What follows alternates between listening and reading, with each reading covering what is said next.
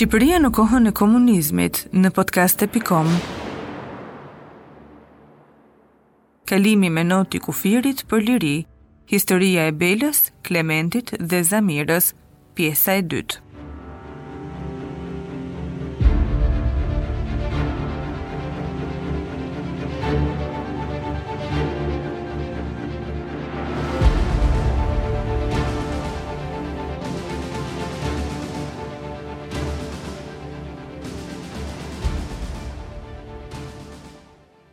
Të nesërmen menjëherë pas dreke u nisën në këmbë drejt Ksamilit nga rruga automobilistike për të arritur sa më në jug të mundeshin, për të qenë më afër Korfuzit. Ecën deri kur ndeshën në një postbllok me ushtarë. Më tutje mund të vazhdonin vetëm banorët e zonës, të cilët kishin një leje të posaçme. Pritën mbrëmjen të fshehur midis ferrave dhe shkëmbinjve. Aty nga ora 21, kur sapo ishin zhveshur dhe përgatitur për të nisur notin u stepën, një fashë e madhe drite, pushtoi gjithë vijën e bregdetit shqiptar. Një prozhektor tepër i fuqishëm që ishte në kodrat pas tyre, bëri ditë të gjithë detin. Vëllai dhe dy motrat u fshehën nëpër shkëmbinj dhe nuk lëvizën. Prozhektori ishte diçka që ata nuk e kishin menduar kurrë. E shtynë për të nesërmen ikjen sepse ishte e pamundur të mos pikaseshin nga drita e fortë e prozhektorit. Paktën kështu mësonin dhe frekuencën e ndriçimit të detit. Prozhektori ndriçoi detin për gjysmë ore, pastaj u fik për t'u rindezur përsëri në orën 23. Pra, nga ora 21.30 deri në orën 23, duhet të notonin fort për të dalë në det të hapur, aty ku drita e prozhektorit nuk i kapte. Dritat e Korfuzit do të ishin busulla e tyre. Kishte kaluar mesnata, kur u kthyen në hotel. Patën fat sepse nuk ranë në sy të policëve apo spiunëve civilë. Të nesërmen pasdite, një gusht i vitit 1984, u nisën përsëri drejt jugut. Ecën edhe më poshtë se një ditë më parë. Diku ndeshën një postbllok me ushtarë që ruanin kufirin. Paraqitja prej qytetarësh, veshja e tyre me ngjyra të çelta, mënyra e të folurit, dialekti i Tiranës si dhe prezenca e dy motrave bënë që ushtarët të mendonin se kishin të bënin me bijtë e ndonjë udhëheqësi të lartë të partisë.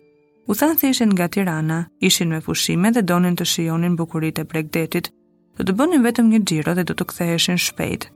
Ushtarët gati u befasuan, ndoshta ndonjëri prej tyre nuk kishte parë ndonjëherë të rinj nga Tirana. Nuk ishte çudi ky fakt. Zakonisht ushtarët e kufirit zgjidheshin nga familjet besnike të regjimit që banonin në zona të thella, e në të shumtën e rasteve larg qyteteve kryesore. Vetë Saranda ishte gati një ditë udhëtim larg nga Tirana. Për habinë e tyre, ushtarët nuk dalluan asnjë emocion në fytyrat e të rinjve, i lejuan të vazhdonin poshtë. Në vendin që vendasit e quanin Pllakat, gjetën një si gji të vogël shkëmbor dhe u fshehën. Pritën mbrëmjen në ankth duke përgjuar çdo zhurmë që vinte nga zona përreth. Në orën 21:30 pa humbur kohë, të tre fshehën rrobat midis shkëmbinjve. Pasi u përqafuan u futën në det. Djathtas kishin Sarandën, ndërsa përballë Korfuzin, destinacionin e tyre. Zot na prij mbarë, i thanë njëri-tjetrit, dhe sido që të shkojë fati ynë, ki mëshirë për ata dy prindër pleq që kemi lënë në barakën e Çermës. Ishte e mërkurë, një gusht 1984. Bela ishte 30 vjeç, Klementi 28, Zamira 27.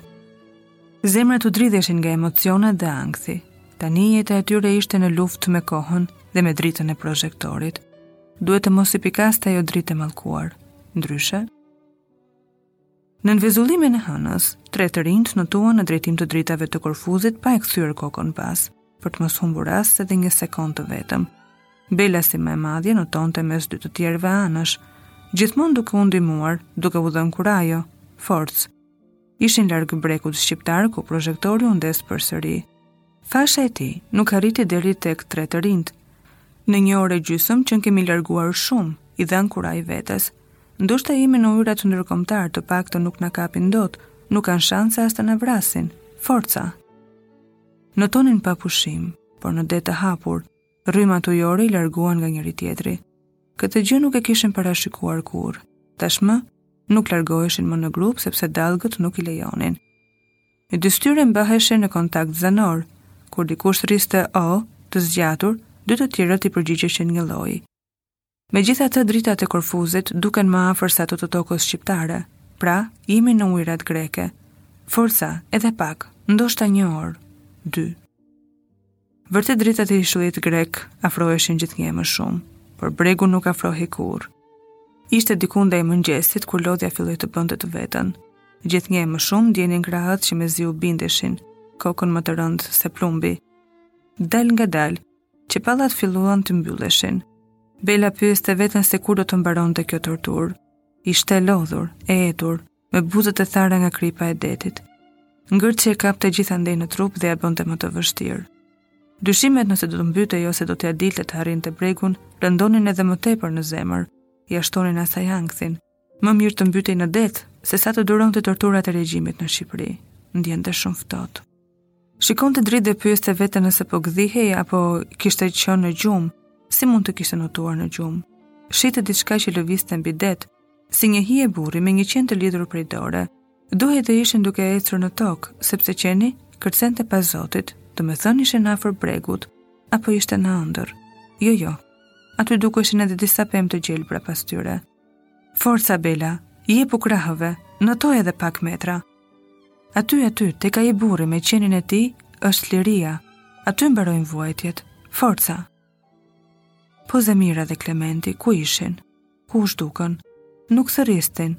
Nuk e dinte nëse ishin afër dhe shihnin bregun. Frika e kapi se mos Jo, jo. U nisën të tre, të tre bashkë, do të dilnin në breg. Ishte ora nëntë e mëngjesit, kur Bela Islami, e raskapitur iu afrua një jahti që ishte ankoruar jo shumë larg bregut. Pronari një italian e tërhoqi në bord. Në pak minuta gjetën gjysmë të vdekur dhe Zamirën, e cila gati po mbytej në det. Ngeli vetëm Klementi. Skafi i ra kryq e tërthor detit, e kërkuan gjithandej. Motrat thërrisnin, bërtisnin fort që ta zgjonin në rast se e kishte zënë gjumi. i kërkonin të ngrinte dorën në rast se nuk fliste dot. I inkurajonin se ishin shumë afër bregut e se kishin fituar lirinë. I thoshin se në jaht kishte vend edhe për të, ndaj nuk duhej të rrezikonte. E kërkuan gjithandej vëllanë e tyre. Ai kishte duruar burgun, spitalin psikiatrik, internimin, patjetër që do të duronte dhe këtë sfidë të fundit. Klement, Klement, Klement, gjithandej, por më kot. Kërkuan me orë të tëra dhe ditët në vazhdim. Kapiteneria e portit dërgoi një anije patrullimi gjatë gjithë bregut. Peshkarexhat e zonës kontrolluan gjithandej, por Klementi, vëllai i Izabelës dhe Zamirës, nuk u gjet kurrë. Deti nuk e nxori kurrë trupin e tij. Heroizmi i dy motrave shqiptare dhe vëllait të tyre mbushi faqet e para të gazetave të kohës në vendet perëndimore. Vetëm në Shqipëri, për gjestin e tyre, zyrtarisht nuk u fol asnjë fjalë. Në dhjetor të vitit 1984, dy motrat fituan azil politik në Amerikë dhe u shpërngulën atje. Komuniteti politik shqiptar i Detroitit i adoptoi. Sapo perfeksionuan anglishten e tyre, filluan punë në Radio Voice of America në seksionin shqip. Zamira Islami në festën e 70 vjetorit të Voas. Në fillim me pseudonime e më pas me emrat e tyre të vërtetë, dy zërat e tyre u bënë transmetues të lajmeve që në Shqipëri vinin nga bota e lirë. Qeveria shqiptare, dy muaj pas arratisjes, prindërit e tyre të mëshuar, i internoi sërisht në fshatin Berishë të Vogël në malet e Pukës. Prindërit e Belës, të internuar në fshatin Berishë të Pukës, çdo mbrëmje në orën 18, mbyllnin me shul derën e kasollës ku banonin dhe strukeshin pranë njëri-tjetrit, ndiznin radion dhe gjenin valët e Zërit të Amerikës. Çmalleshin me zërat e dy vajzave të tyre. Babai i dy vajzave nuk pati fat t'i shihte përsëri, sepse vdiq në vitin 1988. E ëma, deri në vitin 1990, jetoi në internim. Po atë vit, kur tashmë regjimi po rrëzohej, siguroi një vizë dhe mbërriti në Itali. Prej andej, më një nëntor, fluturoi në Amerikë, tek dy bijat e saj. atje ku shijoi disa nga të vetmet ditë të lirisë. Kjo ishte historia e Belës, Zamirës dhe Klement Islamit, tre të rinjve që sfiduan regjimin si edhe aftësitë fizike njerëzore. Dy motrat jetojnë akoma në Amerikë, aty ku çdo 2 gusht familjarisht festojnë ditën e tyre të lirisë, si dhe për fat të keq, përvjetorin e vdekjes së vëllait të tyre. Bela Islami u kthye për herë të parë në Shqipëri në vitin 1993. Shoqëroi si gazetare ish presidentin amerikan Jimmy Carter gjatë vizitës së tij që ai bëri në Tiranë. Viti 1993. Bela Islami me ish presidentin e SHBA-s. Zamira akoma nuk ka fituar luftën me fantazmat, traumat dhe vuajtjet e saj, nuk ka gjetur forcë të vizitojë kurrë vendin e saj. Historinë e tyre për herë të parë e kam dëgjuar atë vit që u arratisën. Në Tiranë, ndër ambientet rinore, emrat e tyre përshpëriteshin me admirim. Në verën e vitit 1987, isha në Sarandë dhe një djalë vendas më tregoi se pak metra më tutje, nga ku laheshin pikërisht tek pllakat, ishin nisur nga Korfuzi, të dy motrat shqiptare, lajm që kishte parë në televizionet greke. Deri në vitin 1991, në të cilin u largova nga Shqipëria, gati çdo pasdite, dëgjonim zërat e dy motrave që transmetonin lajmet tek Zëri i Amerikës. Tashmë historia dhe emrat e tyre ishin shndërruar në legjendë. Vite më parë në një diskutim që bënim, Në Facebook, mbi gjestin e tyre fola me superlativa, mbi shembullin dhe guximin e tyre në mposhtjen e robërisë. Vura theksin tek fakti që heroizmi i tyre meritonte të paktën një film.